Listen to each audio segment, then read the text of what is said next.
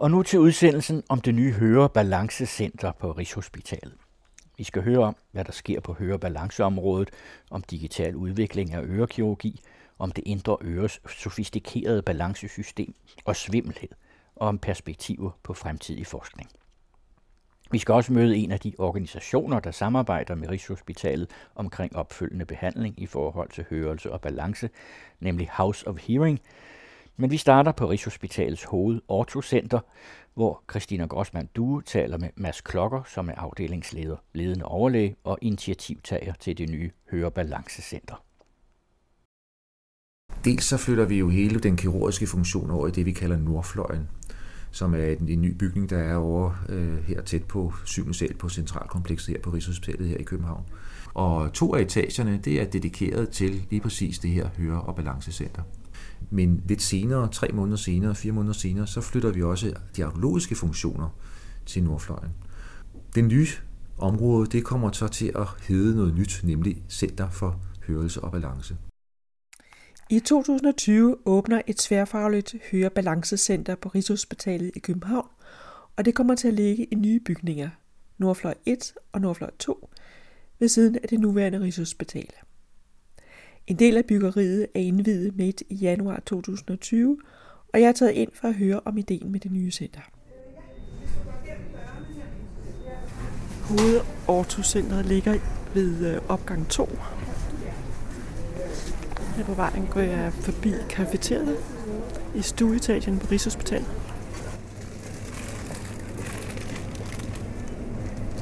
Øre, næse, halskirurgisk klinik og otoneurologisk laboratorium ligger på 7. sal, og det er der, jeg skal hen. Der er rift om øh, elevatorerne her på Rigshospitalet.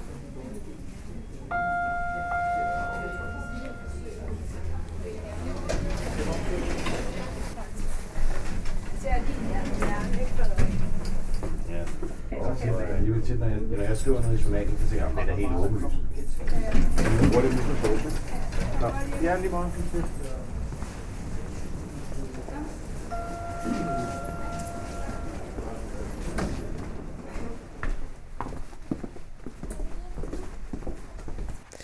Mads Klokker er overlæge og leder af den københavnske klinik for øre, næse, halskirurgi og audiologi. Det er ham, som er ildsjæl og initiativtager til projektet, men hvorfor egentlig opbygge et nyt hørebalancecenter? Ideen var egentlig, at øh, jeg på et tidspunkt tænkte, hmm, det er jo lidt ærgerligt, at vi i Danmark ikke er bedre til at øh, promovere øh, høreforskningen, som vi ellers har været gode til i gamle dage. Vi har faktisk haft en rigtig lang tradition for i Danmark for at opfinde øh, innovative løsninger. Øh, rigtig mange af de metoder, der bliver brugt rundt omkring i hele verden med tympanometri, som er sådan en trykmåling af, hvordan ørerne øh, ørets tryk er, øh, refleksmålinger og hele den del. Øh, Øh, også øre, ørescreening hos børn, altså for at se, om de kan høre eller ikke kan høre. Alle sådan nogle øh, ting, det er faktisk ting, der er opfundet i gamle dage i Danmark for 20-25 år siden, hvor vi hvor noget af det højprofilerede forskning inden for ørenes halsspecialet netop lige præcis var audiologien. Og øh, der havde vi jo dels nogle professorer i området, vi havde nogle dygtige overlæger, vi havde faktisk også øh, en hel del øh, ingeniører, specielt øh, her på Rigshospitalet og Gentofte og Bispebjerg Hospital, som jo er de københavnske hospitaler, gjorde vi rigtig meget ud af det her. Øh, og, og så var det jo så sådan, at hvorfor ikke øh, gøre det igen? Fordi det er jo lidt hensyn, eller har været en, en smule hensynende de senere år. Samtidig med, at industrien faktisk er vokset på det her område. Og samtidig med, at vi har nogle ret dygtige ingeniører, vi har et kæmpe stort samarbejde med DTU, som laver en masse forskning inden for, for høreområdet, og vi har jo også øh, i Aalborg, øh, hvor de øh, interesserer sig for det. Vi har faktisk en, en, og haft en, og har stadigvæk en stor hvad skal man sige, interesse for alt med lyd med højtaler og hi-fi-udstyr og så videre øh, radioudstyr i Danmark også. Så, så det lå ligesom lidt til højre benet, at øh, det her, det skulle da selvfølgelig udforskes og startes op igen. Min egen baggrund er lidt, at øh, jeg selvfølgelig er ørende salgslæge, speciallæge i det, men jeg har også interesseret mig rigtig meget for flyvemedicin og har gjort det siden ja, øh, starten af 90'erne og øh, er faktisk stadigvæk øh, også øh, reserven i det danske forsvar øh, og har en masse med undersøgelser af piloter og den slags. Så øh, den vej rundt, der har jeg jo interesseret mig både for noget med balance, men faktisk også noget med det indre øre og hørelsen i al almindelighed, og øvrigt også bagtraumer og sådan noget. Danmark har jo været forgangsland, også med, og for eksempel nu med Aalborg, øh, med Therma, der har lavet øh, 3D-audiologi og 3D-udstyr til F-16-fly, og skal vi fremadrettet også lave til de kommende øh, jetfly, vi får i Danmark. Så det lå ligesom til højre benet, at hele den der interesse og hele de der forskellige områder med hørelse, med balance, altså det, der centrerer sig om det indre øre, det kunne være noget, man skulle starte op igen. Der kom hurtig og bred opbakning til det nye center for både forskning, patientforeninger og industri, fortæller Mads Klokker. Finansieringen er i vidt omfang kommet fra William Demandfonden, og det nye Hørebalancecenter vil integrere både forskning og teknisk udvikling, medicinsk og kirurgisk behandling under samme tag. Det, der er unikt ved det her, det er jo, at øh, vi får samlet rigtig mange mennesker i det her center. Og øh, det bliver måske en 60-70 stykker, vi snakker om, der skal samles totalt set, hvis man medindregner ørekirurger. Det, der er det unikke, det er jo, at vi faktisk øh, nok går hen og bliver et af verdens øh, tre største centre. Der er et i øh, Australien, øh, der er et i Boston i USA, og, og så kommer det her jo her til sommer. Og det, der er det helt unikke i det, det er jo, at Danmark jo har førerpositionen inden for hørebart. Øh, den danske industri har cirka 50 procent af verdensmarkedet.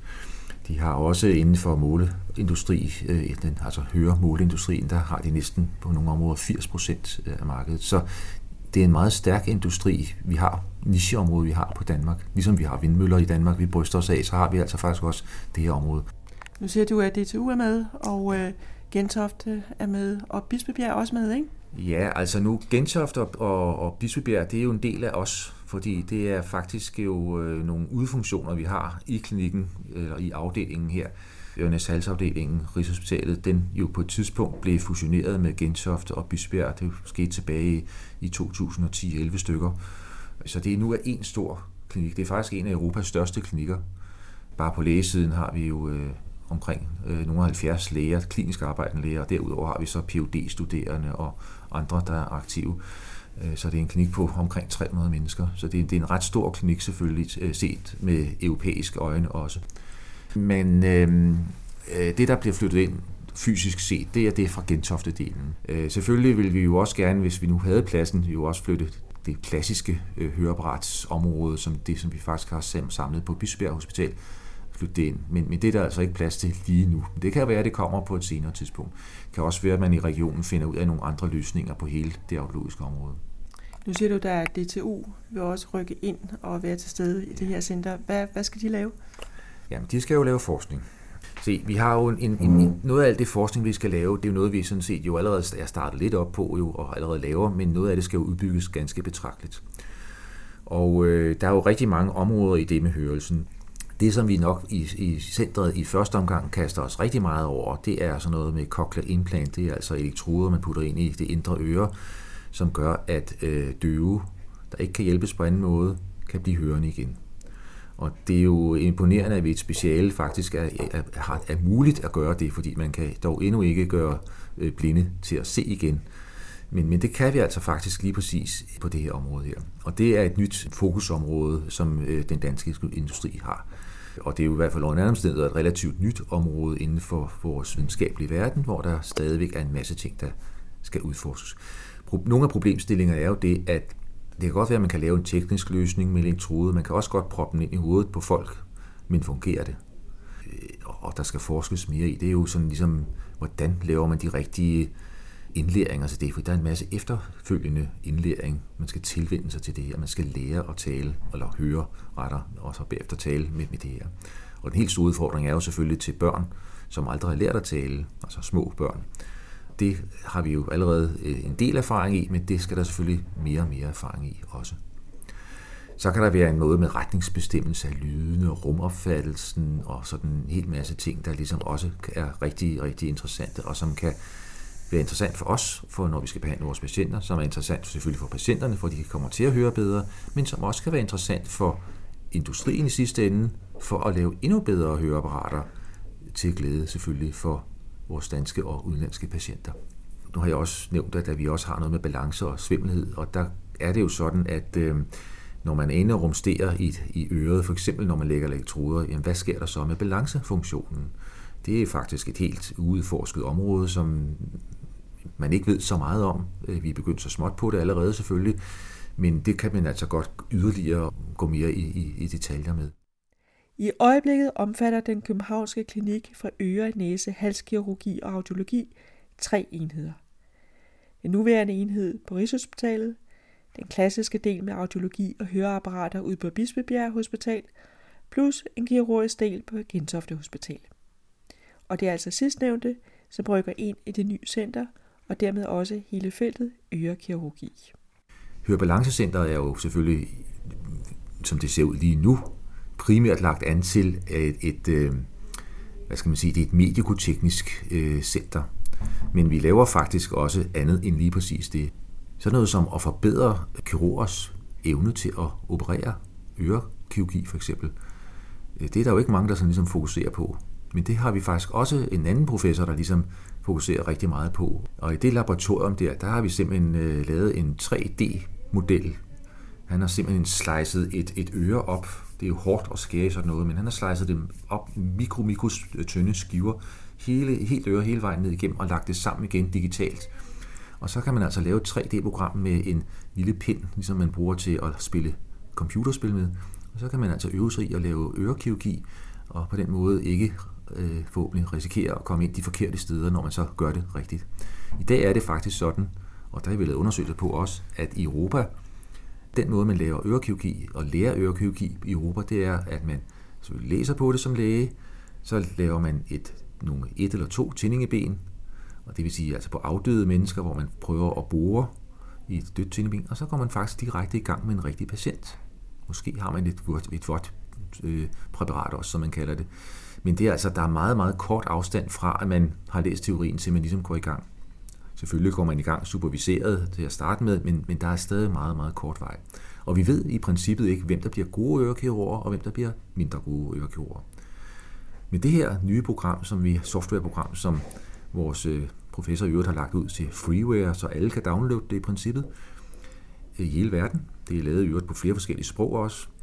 Der kan man altså øve sig i det her og træne det adskillige gange og finde ud af, om man nu bliver en god eller en dårlig kirurg. Vi har faktisk en, en medarbejder, der er i USA øh, nu og, og laver forskning på det her område også, men det er jo altså udgået herfra, og det bliver udviklet, yderligere udviklet her fra vores klinik. Så, så vi har mange facetter af, hvad man nu kan lave inden for øredelen, der ligesom hænger sammen i det hele det her. Spændende, spændende område. Rigshospitalet disponerer over en simulator for ørekirurgi, der er udviklet af professor Mads Sølsten Sørensen og læge Steven Andersen samt andre bidragydere.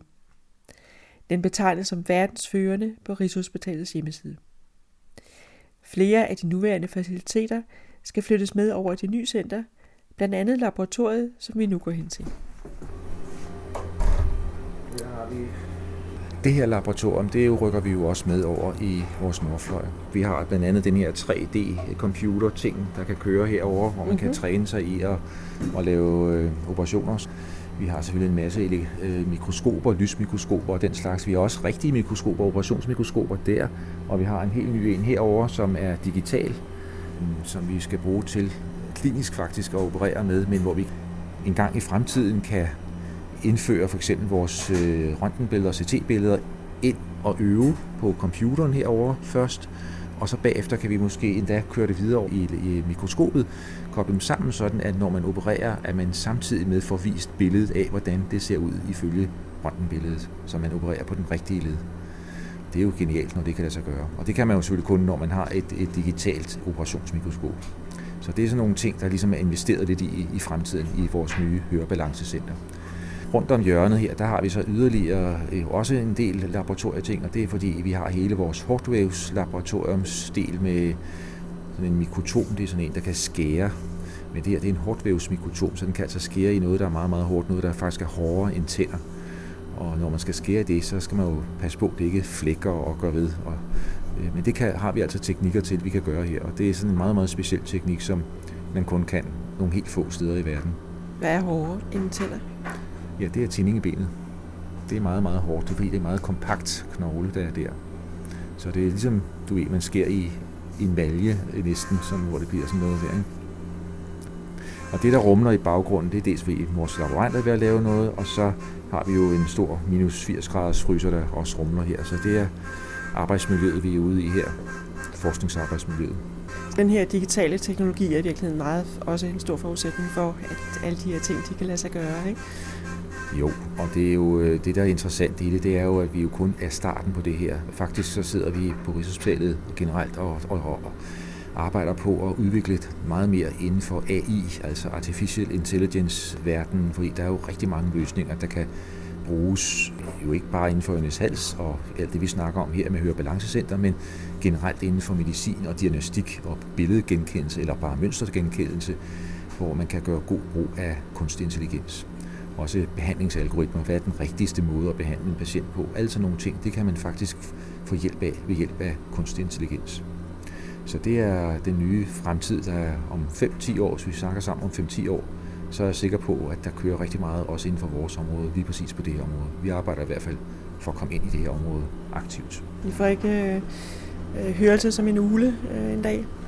Det tror jeg ikke helt, man gør. Altså, jeg, tror ikke, jeg tror ikke, det er, er noget, man skal gå efter heller, fordi så kommer man jo til bare også at høre endnu mere støj og larm. Altså vores samfund er jo ikke bare med gode lyde af den ene eller den anden art, men det er jo også med meget baggrundsstøj af forskellige art.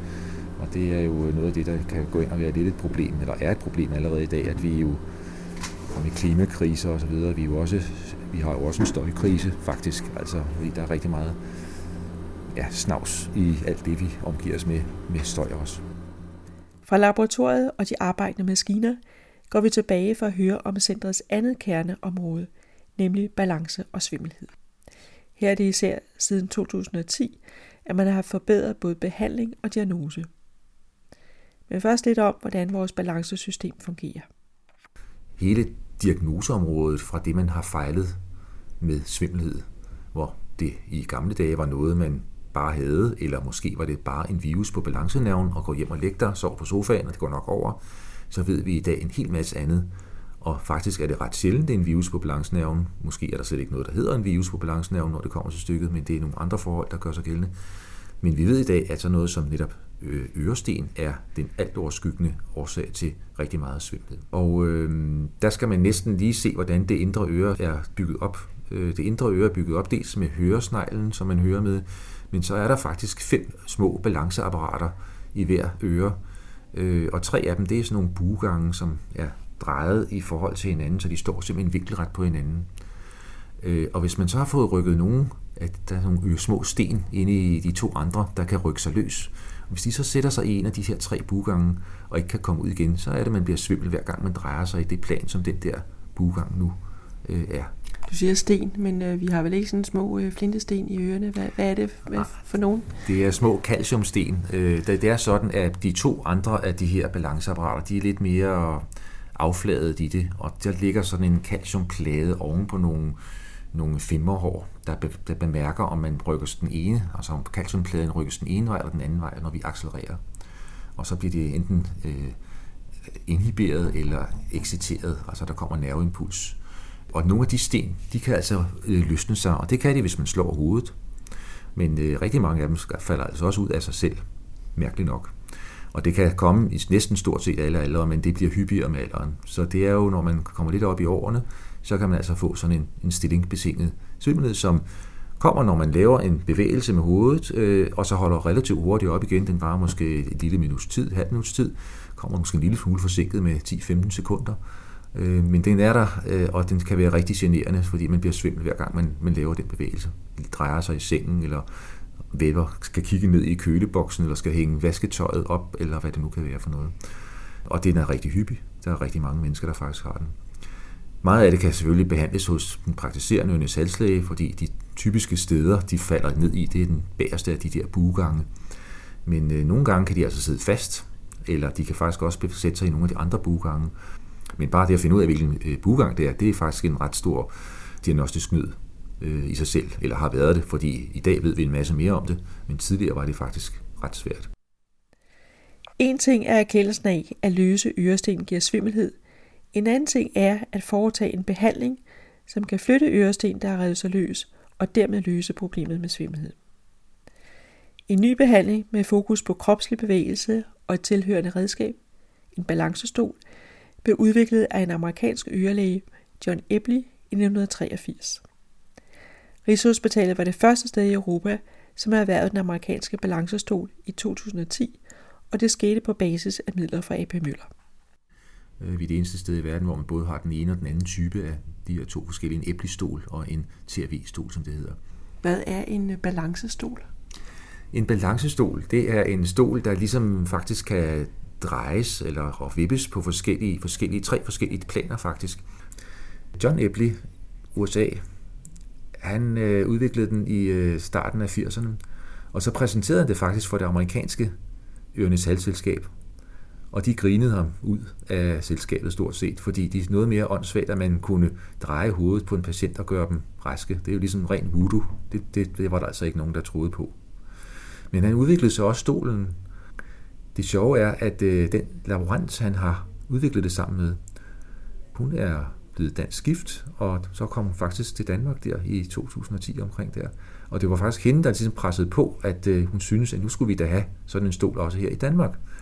Øhm, I gamle dage, der havde vi jo stort set kun det, man puttede vand i ørerne, altså koldt og varmt vand, vi kalder det kalorisk skyldning. Og så kunne vi jo selvfølgelig lægge folk ned og se, der skete noget, men man vidste ikke, havde ikke fornemmelsen af betydning af det. Det var først, da Øh, John Epley kom til og kunne fortælle, jamen det var jo fordi, at de her bugange, og han kunne faktisk gøre folk raske ved at bevæge dem baglæns i den bugang, som vores sten nu er kommet. Så i gamle dage havde vi faktisk, og på gamle dage, det er altså, vi snakker vi altså fra omkring 80'erne, ikke? 1980, som jo for nogen måske ikke er så gammel igen, øh, men der havde vi faktisk ikke rigtig nogen anden viden end det, at man kunne se, at der var sket noget med øjnene, og så kunne man putte vand i ørerne. Ja, så kunne man se, at måske der var noget nedsat funktion på det ene øre, når man puttede koldt eller varmt vand i det ene øre, til forskel fra det andet, som så var referenceøret.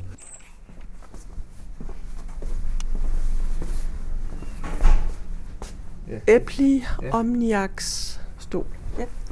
Det her, det er så den amerikanske stol. Den er jo stor og fylder en masse selvfølgelig, øh, men øh, den har hjulpet rigtig, rigtig mange patienter gennem tiden. Og øh, den er amerikansk som sagt, men den er også elektrisk, og den er elektrisk på den amerikanske måde. Det betyder, at den kører på 110 volt. Men fordelen ved den, det er, at den er automatisk, for sådan at man simpelthen bare med sin mus på computeren klikker, sådan at man kan få drejet stolen svarende til det, man nu skal have for at øh, få de her løse øresten ud af den pågældende bugang og gøre patienten rask.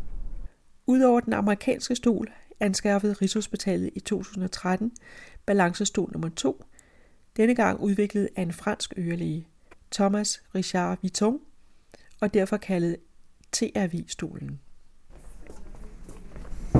Nu går vi så ind ved siden af. Det ser mere stoleagtigt ud, kan man sige. Stol, ja. ja.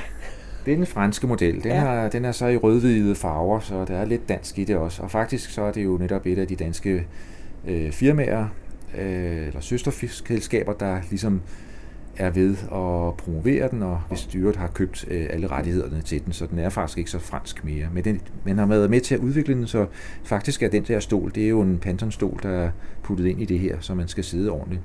Igen, ligesom med den amerikanske stol, så skal man jo sidde ordentligt fast, så man ikke falder ud. Så derfor er der nogle gode seler, og så har man sådan en maske, som man kan sætte på, så man ligesom kan se, hvordan øjnene bevæger sig, og man får de her nystavnslag, som er udtryk for svimmelhed, når man bliver lagt ned på den side, man nu engang har sin øresten til. Den bruger vi jo selvfølgelig til patientbehandling, men øh, vi bruger faktisk også rigtig meget af alt det udstyr, vi har her, til når vi undersøger øh, pilotaspiranter fra forsvaret. Og det er klart, at vi vil jo helst ikke have, at øh, vi har nogle piloter, der falder ned, fordi de har svimmet sygdom eller noget andet. Øh, så de bliver meget, meget grundigt gennemgået, ikke bare inden for ørenes halsområdet, men også inden for andre øh, områder, hjerte, øh, hjerne osv. Ja, så er vi på vej over mod øh, Nordfløjen.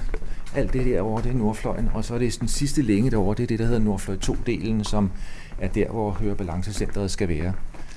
Det er en meget fin ny bro, vi går på her, ja. som forbinder den gamle del med den nye.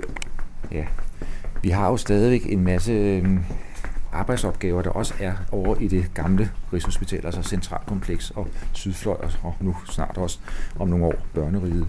Fordi der er jo rigtig mange børn, der ligger på nogle af de andre afdelinger, men som måske fejler noget hørebalance eller noget andet ørenedsals, som vi skal servicere. Det kunne fx være børn med øh, dårlig hørelse efter øh, kræftbehandling. Altså når man får kemoterapi, kan det gå ud over hørelsen. Nu er vi kommet ind i selve nordfløjen. Mm, så kan vi gå et skridt op ovenpå, og så kan vi faktisk se noget af vores balancedel, som jo vi jo også hører med ind under Hørebalancecenteret. Inden for balanceområdet er svimmelhedssygdomme i form af øresten den allermest udbredte. Men Mads Klokker fortæller, at før John Eblis erkendelse og behandling blev udbredt, har der nok været en del fejldiagnostisering og fejlbehandling.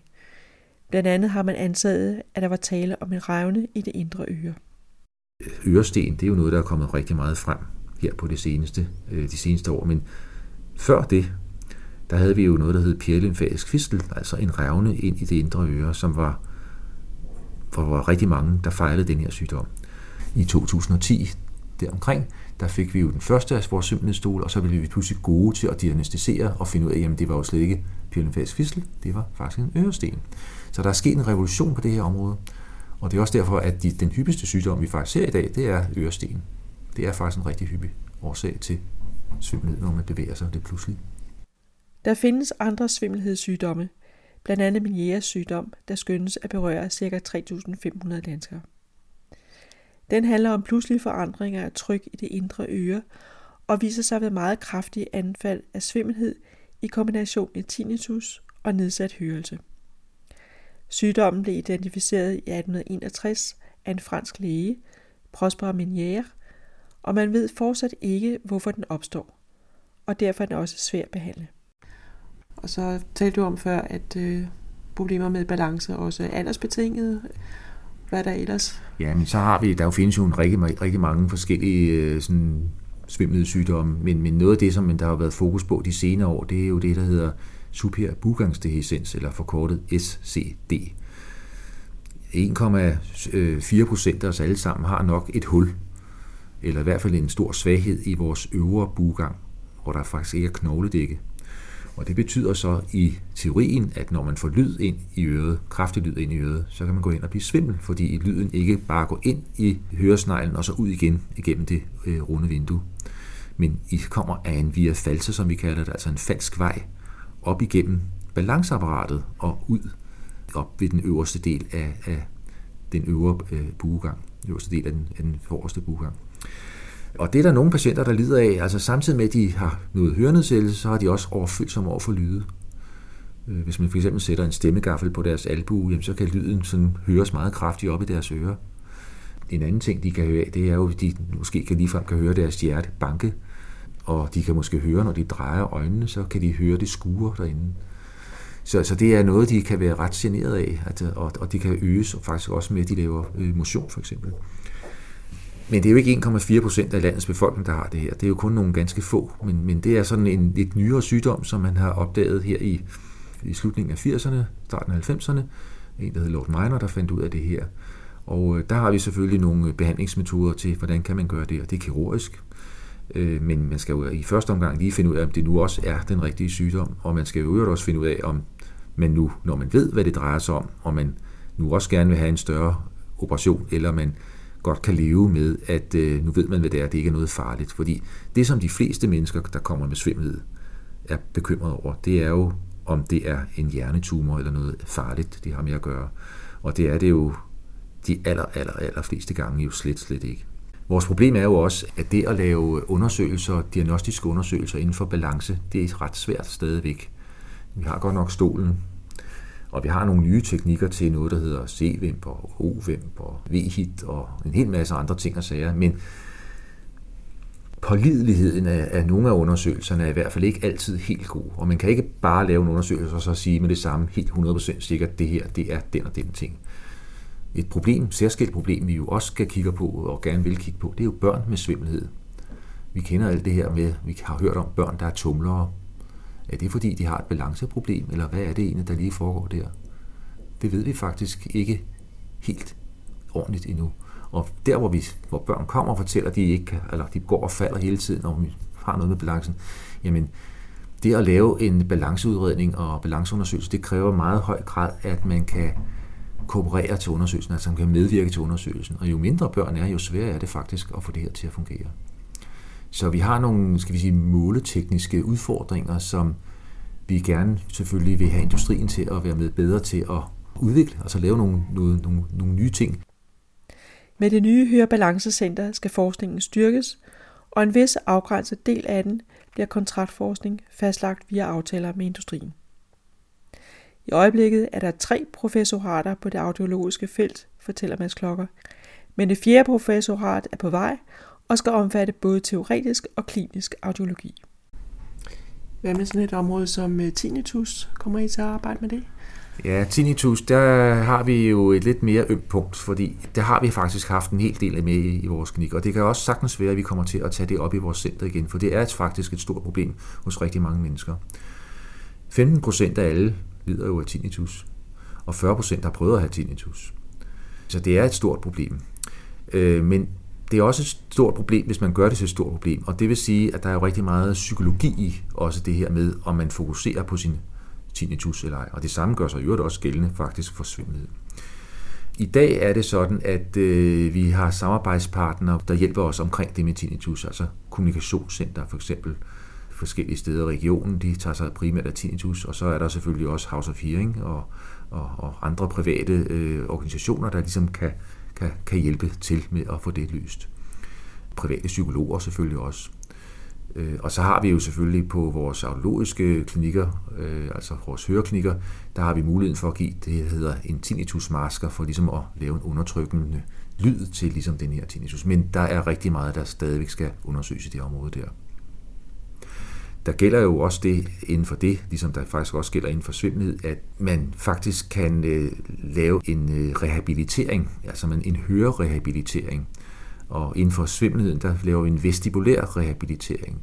Og den her, for eksempel den vestibulære rehabilitering, det er jo ikke bare, at øh, man for eksempel skal lave nogle øvelser, nogle balanceøvelser og den slags, så hvor vi har i øvrigt også ansatte fysioterapeuter, så den slags specialiserede ting.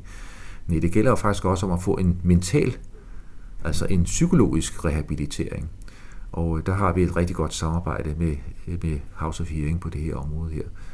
Og det er faktisk halvdelen af rigtig mange symptomer inden for nogle få af, af de her hørebalance-sygdomme, vi har med at gøre, som har stor hjælp af det.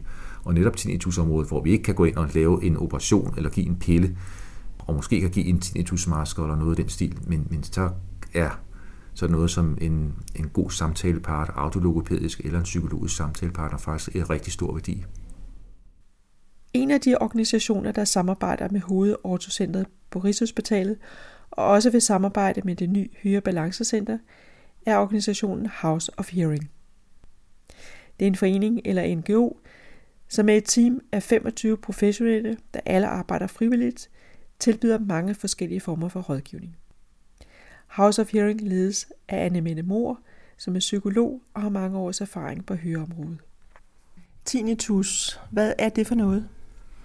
Tinnitus er lyd for det indre øre, øh, som andre ikke kan høre. Man kan have det på det ene øre, på begge ører, eller have en oplevelse af, at det er et sted midt i hovedet. Nu kan jeg høre en lyd, men øh, det ja. er ikke tinnitus, vel? Nej, du kan høre en lavfrekvent brummen, og som jo er en meget godt eksempel på, hvordan noget tinnitus faktisk opleves, og som kan være rigtig generende, som typisk kan være et udtryk for, at man har et lavfrekvent høretab. Og måske kan du også et eller andet sted høre en meget højfrekvent tone. Det er heller ikke tinnitus, fordi jeg kan også høre den. Men en højfrekvent tone matcher ofte, at man kan have et højfrekvent høretab et eller andet sted i sin, øh, i sin hørelse. Og det, der er ved tinnitus, det er, at ofte er tinnitus et symptom på, at noget i den måde, hvorpå øh, høresystemet bearbejder lyd, har ændret sig. Og det er for eksempel, hvis man mister noget hørelse. Så det er ret sjældent, at der ikke er noget høretab i forbindelse med tinnitus. Er der mange, der lider af tinnitus i dag? Altså, nu stiller du jo et ledende spørgsmål, fordi du spørger, om der er mange, der lider. Der er forskellige undersøgelser, der viser forskellige tal, men dem, der virkelig lider, altså har svært ved at komme overens med det, der skønner man nogle steder, at det er mellem 1-2 procent. Og 5-6 procent af befolkningen øh, generes af tinnitus i moderat grad, men evner altså at få det i baggrunden.